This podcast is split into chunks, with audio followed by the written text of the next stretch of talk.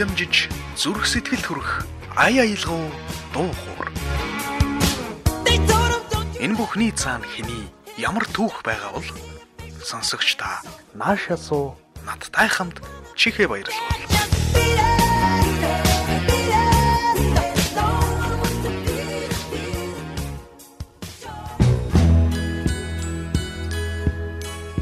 Ирхэм сонсогчдоо хөтлөгч Ганат тантай хамт байна.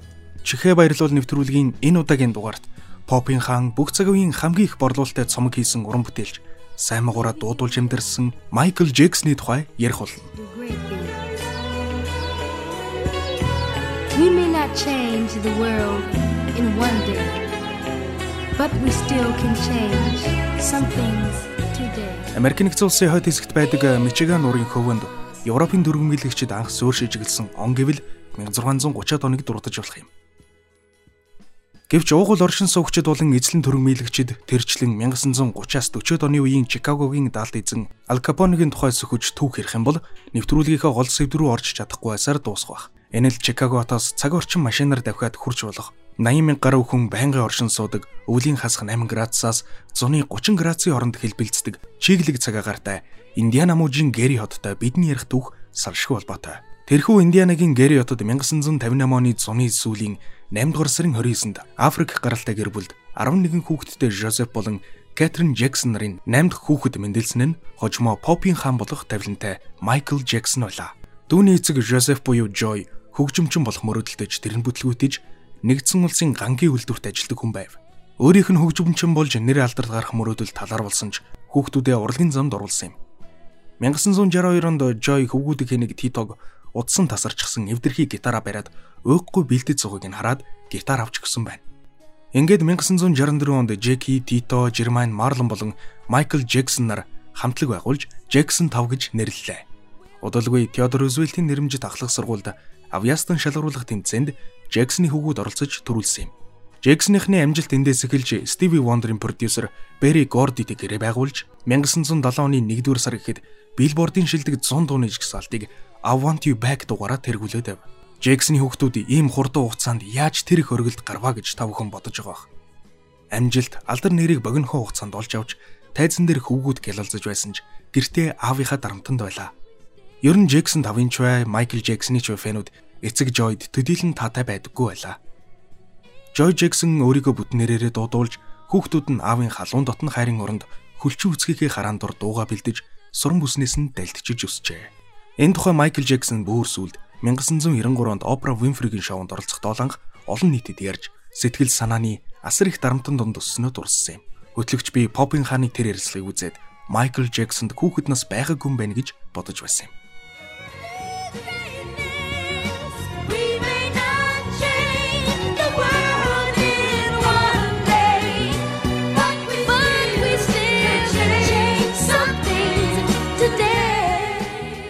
Хэдийгээр хатуу чанд эцгийн хараахийн алтанд хүүхэд насны гинэн томоог амьдрал багахан үдсэн ч гэлээ Майкл Джексон туйлын авьяастай нэгэн байлаа.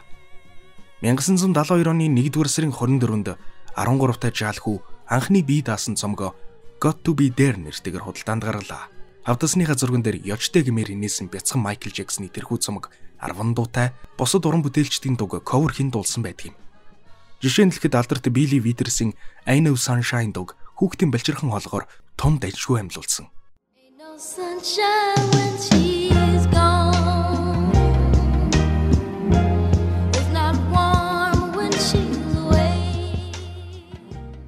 Анхны цомгоо гаргаснаас 6хан сарын дараа хоёр дахь Бен цомгоо худалдаанд гаргасан юм.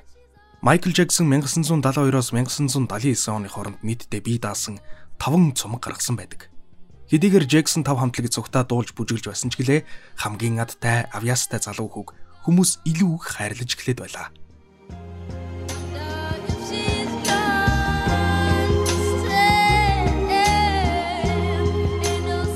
«1979 онд худалдаанд гаргасан Off the Wall цомог нь түүний амжилтын эхлэл байсан гэж зарим хүмүүс үздэг. Учир нь гэвэл дэлхийд дахина нийтдээ 20 сая хувь борлогдсон түүний энэ цомог нь түүнд Америк нэгдсэн улс, Их Британи, Австрали зэрэг орнуудын шилдэг дуу хөгжмийн жигсаалтанд амжилттай орж ах дүүсээсээ дүүлэн гарах боломж олгосон юм. Майклийн нэр алдар дэвэн дэлхий тэгтлээх түгж Попын хаан гэдэг алдрыг зүүж оргил гаргасан цомог бол Billie Jean, Thriller, Beat зэрэг хийтүүдэд багтаасан 1982 оны триллер юм. Хойш үйл явдлыг ярилгүй ер нь яагаад Майкл Джексоны Off the Wall болон Thriller цомгууд чартуудыг дэлбэлээд байваа гэхээр 1978 оноос ихтэй. Майкл Джексон алдарт продюсер Quincy Jones тамтрын ажиллах санал тавьсан байна. Тэгээд л гүцээ. Авьяас гэдэг зүйл өөрөө арилжаанд бодлоо хит их зараад байвал сайн уран бүтээл гарах нь юу л бол.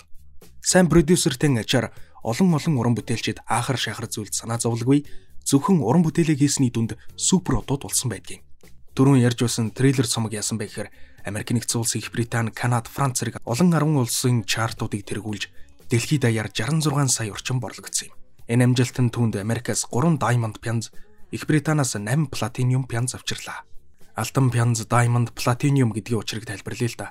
Жишээ нь урлаг уран сайхан pop соёлын хөгжил өргөлдөө хүрсэн Америкаар төлөөлүүлэн ярихад тухайн уран бүтээлчийн дуу болон цомгууд 500 мянга борлогдсон бол алтан пянз. 1 сая борлогдвол платиниум, 10 сая бол diamond пянз гэж нэрлэдэг бөгөөд хөгжим дуу хичээлийн газраас энэ шагналыг өгдөг юм. Майклд эдгээр пянзнууд өч төчнөөнөөрөө бий.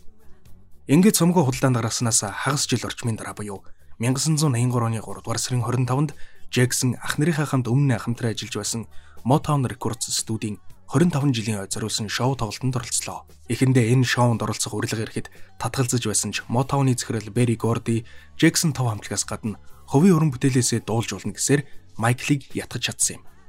Тэр жилийнхээ Грэмми наадмаас телевизээр дамжуулсан шилдэг шоу шагналыг авсан Motown 25 жилийн өн тоглолтыг 47 сая орчим хүн үзсэн гэдэг юм. Эхлээд Майкл болон түүний ах дүүсийн Jackson тав хамтлаг тайзнаа гарч I Want You Back, Never Say Goodbye зэрэг дуунуудаа дууллаа. Джексон тав хамтлагийн дуунуудаа дуусчихад үзэгчд рүү гараараа даллчаад тайзнаас бууж Майкл ганцаараа үлдлээ. Энэ мөч бол хөгжмийн ертөнцийг тэр чигээр нь эргүүлж чадсан мөч байсан юм. Сүүлд нэгэн сэтгүүлд Мотавны тоглолтыг Майкл хулгайлцглаа гэж бичиж байсан.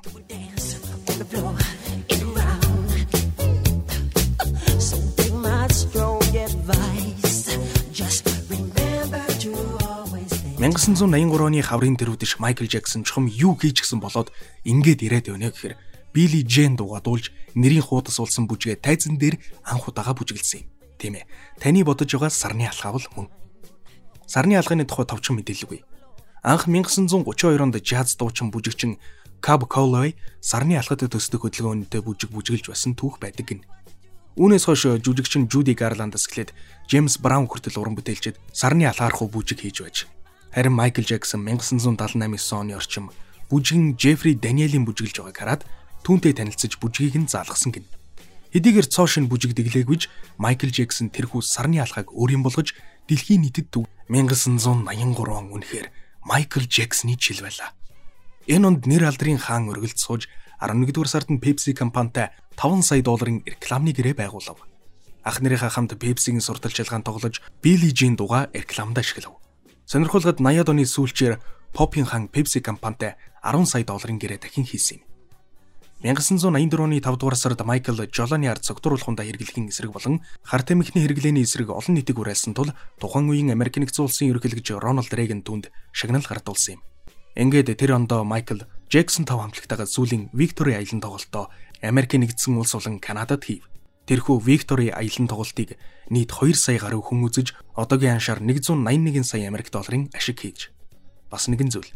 Виктори аялан тоглолт Майклийн хувьд Джексон тав хамтлагтай хийсэн сүүлийн аялан тоглолт байсан бөгөөд хамтгаасаа гарч хувийн уран бүтээлдээ анхаарлаа хандуулсан юм.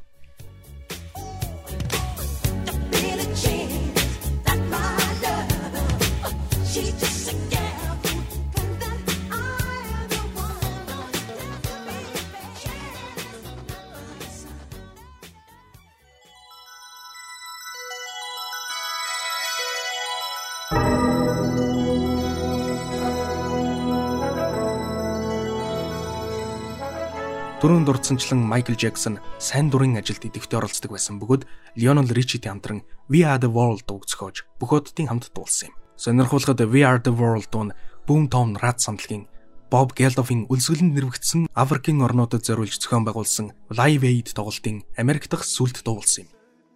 1985 оны 100 болсон Live Aid тоглолт Их Британий Лондон болон Америк нэгдсэн улсын Филадельфи зэрэг дэлхийн улс орнуудын томоохон хотуудад зэрэг болов. Энэ тоглолтод алдарт Queen амтлаг Paul McCartney, Elton John, Madonna гээд супер одууд оролцож ая дугуй ургасан байдгийг. Гэвч Michael Jackson оролцоогүй.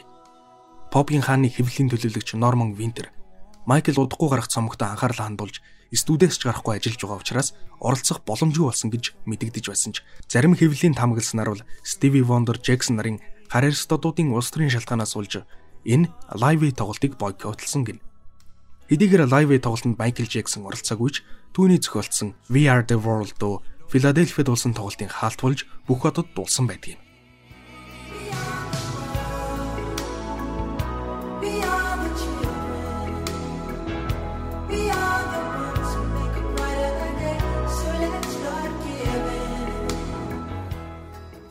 Алдар нэрийн өргөлд хурж хөрөнгөөр гашигдах зүйлгүй уран бүтээлийг хийж явсан Майкл Джексон эрүүл мэндийн асуудалтай тулгарлаа. Энэ нь арьс цайрах өвчин байж. Эмнэлгийн төвөгтэй оншуудыг дурдлагүйгээр хэлэхэд Майкл Джексон энэ өвчнөд их шаналсан гэдгийг. Энгийн л бор арьстай төрсөн ч арьс цайрах өвчнөөс улж арьсны өнгө нь мэдгэдэггүйц цайрж эхлэв. Live Aid тоглолтод ч оролцох завгүй ажилласан байд цомгоо худалдаа наргаж мөн л чартуудын орой заларсан 1987 оны үеэс Майкл арьсаа солих олон удаагийн хагалгаануудынхаа эхнийхэд орсон байна. Уран бүтээлийн тухай цохос дуртахад байд цомгоо дэмжсэн аялан тоглолтоор нийт 123 концерт тоглож 4.4 сая гаруй хүн үзсэн тооцоо байдаг юм байна. Джексон эрүүл мэндийн тухай ярил нэвтрүүлэг сонжирх учраас товчхон хэлэхэд бие хайхардаггүй нэгэн байсан гин. Наацхан л хэд 1979 оны орчимд бүжгийн бэлтгэлийн үеэр хамраа угалж хагалгаанд орж байсан бүжигчний бие бэлдэртэй болно гэд жингээ хэд хассны балгаар бас л өвчнөд орогдсон. 1990-ад оны эхэн үеихэд Майкл Джексон удаа дараагийн арьс солиод хагалгаагаа бүрэн дуусч цагаан арьстан болон хувирсан байдаг юм.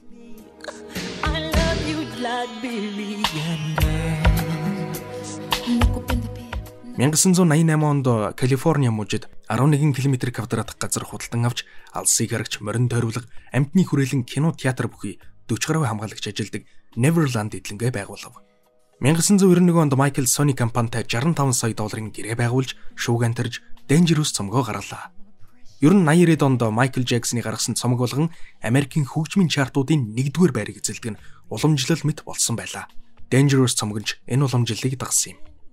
Энэ цомогт миний дуртай Black or White, Heal the World дуунууд орсон байдгийг хэлэхэд таатай байна. Сайн үйлсийн ажилд идэвхтэйгээр Michael Jackson 1993 онд дохын халдварын гамшигт олон нийтийн анхаарлыг татахаар ажиллаж эхлэв. Үүнийхээ хүрээнд Билл Клинтон ерөнхийлөгчийн тангараг өргөх ёслолын үдэшлэгт ая дугуй өргөн дохыг ангаах судалгаанд зориулж хандив өргөн Африкт альчилсан байдаг. Мөн тэр ондоо Америкийн хамгийн олон үзэгчтэй контентуудын нэг болох Америкийн хөлбөмбөгийн супер цомын тэмцээний дунд дуулж Опра Винфрид ярилцлага өгчээ. Тэр ярилцлага нь 1979 оноос хойш телевизийн ярилцлаганд орсон анхны удаа нь байсан гэдэг. Майкл Опра Винфрид хүнд хэцүү өнгөрөөсөн багнаас хат үйцгийнхээ тухай ярьсан байдаг юм. Тухайн 1993 оны Грэмми наадмаас Майкл Джексонд амьд домог шагналыг өглөө. Эдгээр үйл явдлууд баг зэрэг багасаад байсан Майкл Джексоны нэр хүндийг өргөж 2 жилийн өмнө гаргасан Dangerous цомог нь буцаад чартын дээгүүр давхих болсон юм.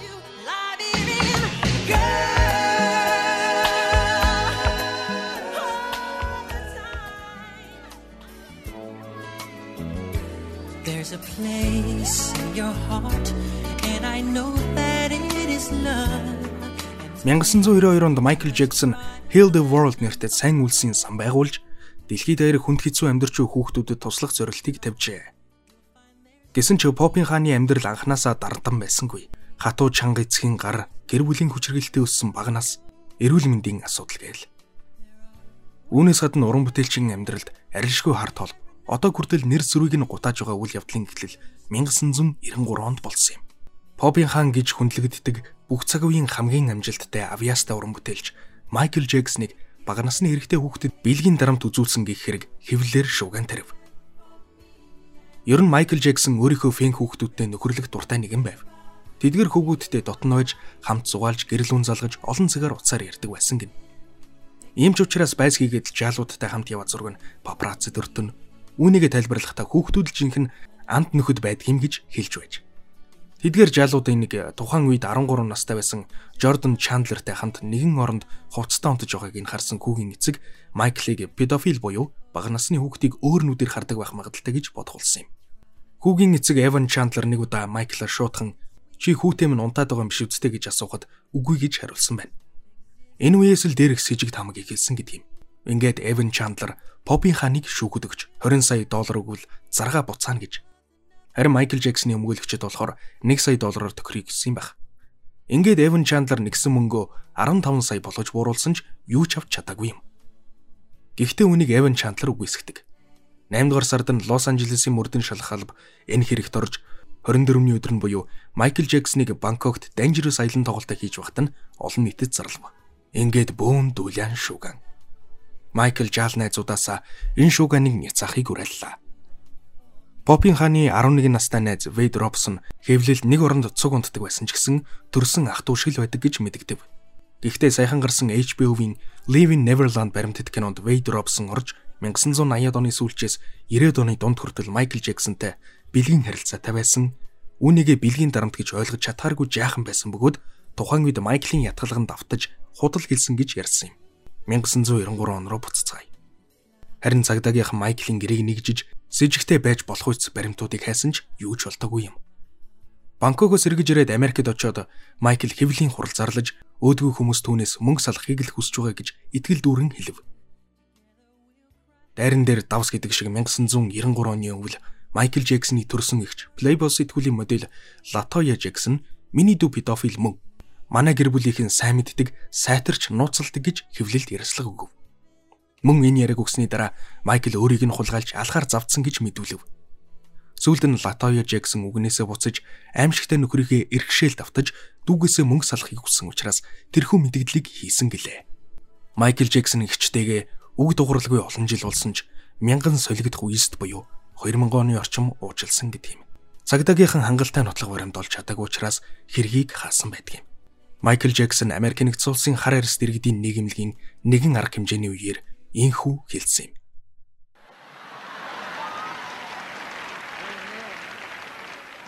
Хинч гисэн шүүхийн дүгнэлт гарч хэрэг нь батлагдтал гин буруугүй байдаг. Үнэн дээр би үүнийг дөнгөж саяхны хүртэл худал хуурмаг гүтгэлэгт өртөх хүртлээ ойлгоогүй явлаа. Чин үнэн л миний цагаатгал болох болно. Худал зурхлын эсрэг тэмцэж байгаа минь намайг улам хүчтэй болгож байна. Бас би ганцаараа биш гэдгээ мэдрэх хүрт хүчтэй болж байна. Би огтхонч гин буруугүй. Баярлалаа та бүхэндээ. I love you more.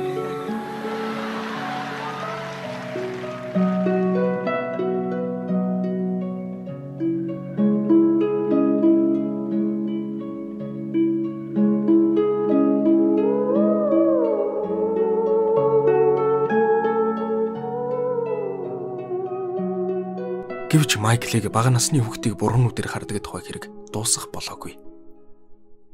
Энэ тухай онцгийн дараалтаа ярих болно.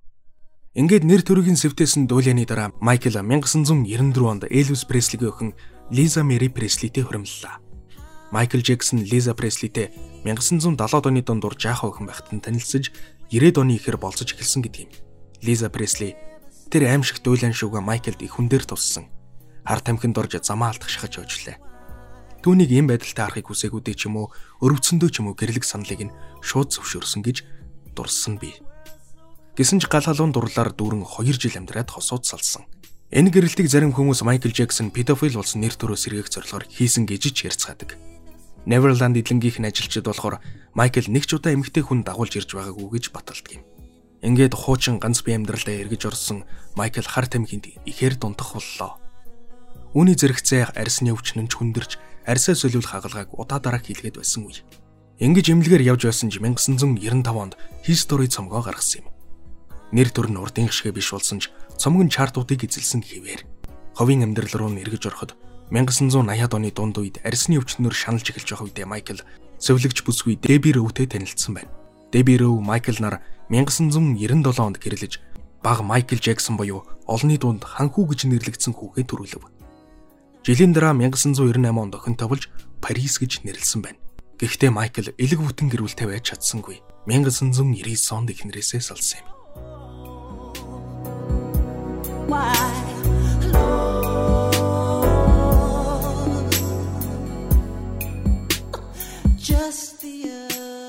Энхүү Майкл хүүхдүүдээ өөр дээр авч уран бүтээлдээ орон 2001 онд хамгийн сүүлчийн студийн цомог Invisible худалдаанд гаргасан юм. Харин жилийн дараа 2002 онд Түүний 3 дахь хүүхэд Майкл Джексон хоёр мэндэлсэн байна.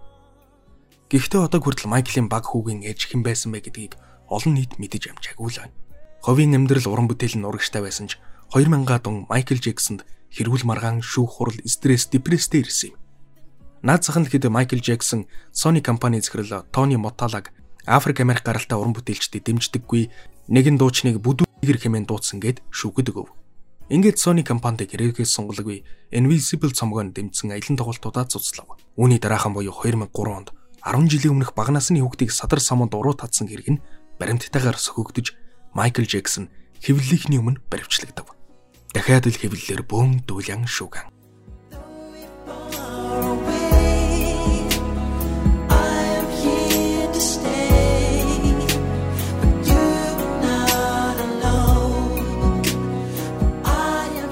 Нэг бүдэрвэл долоо бүдэрнэ гэдгээр Living with Michael Jackson баримтат киног хийхээр түнтэй бүтэн жил хамт явсан сэтгүүлч Мартин Башир Попийн хааны итгэлийг эвдсэн юм. Учир нь юу вэ гэвэл энэхүү Living with Michael Jackson баримтат кино Майклийн бодсон шиг түүнийг зөвөр ойлгуулах биш харин эсэргээр хийгдэв. 2005 онд Майкл Джексон толбогдох шүүх хурал Америк төдийгүй дэлхийд даяар шуугантай гэлв. Шүүхээс Майклийн эсрэг гэрчээр өнөө сэтгүүлч Мартин Башир дүүлэний эхлэл болсон 1993 оны Jordan Chandler зэрэг хүмүүсийг дуудсан юм. Гэхдээ Jordan Chandler шүүгэд гэрчээр орохоос татгалзан Америк нэгдсэн улсаас явжээ.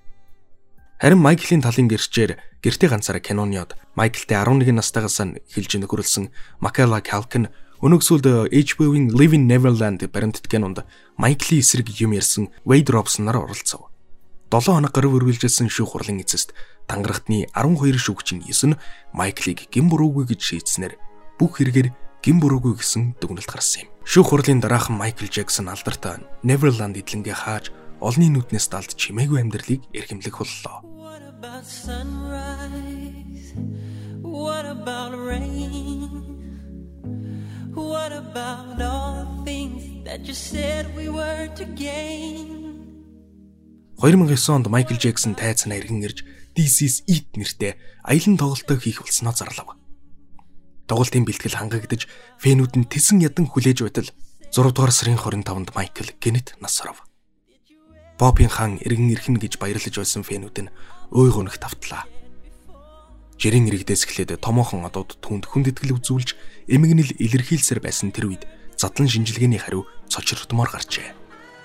Майкл Джексны биес их хэмжээний өвчин намдаг чимэлэрж үглийн шалтгаан болсон гэж үзсэн юм. Цагдаагийнхан гертэн үзлэг хийхэд хэмжээний мансууруулах бодис өвчин намдагч болон тайвшруулах зориулалттай юм болцсон байна.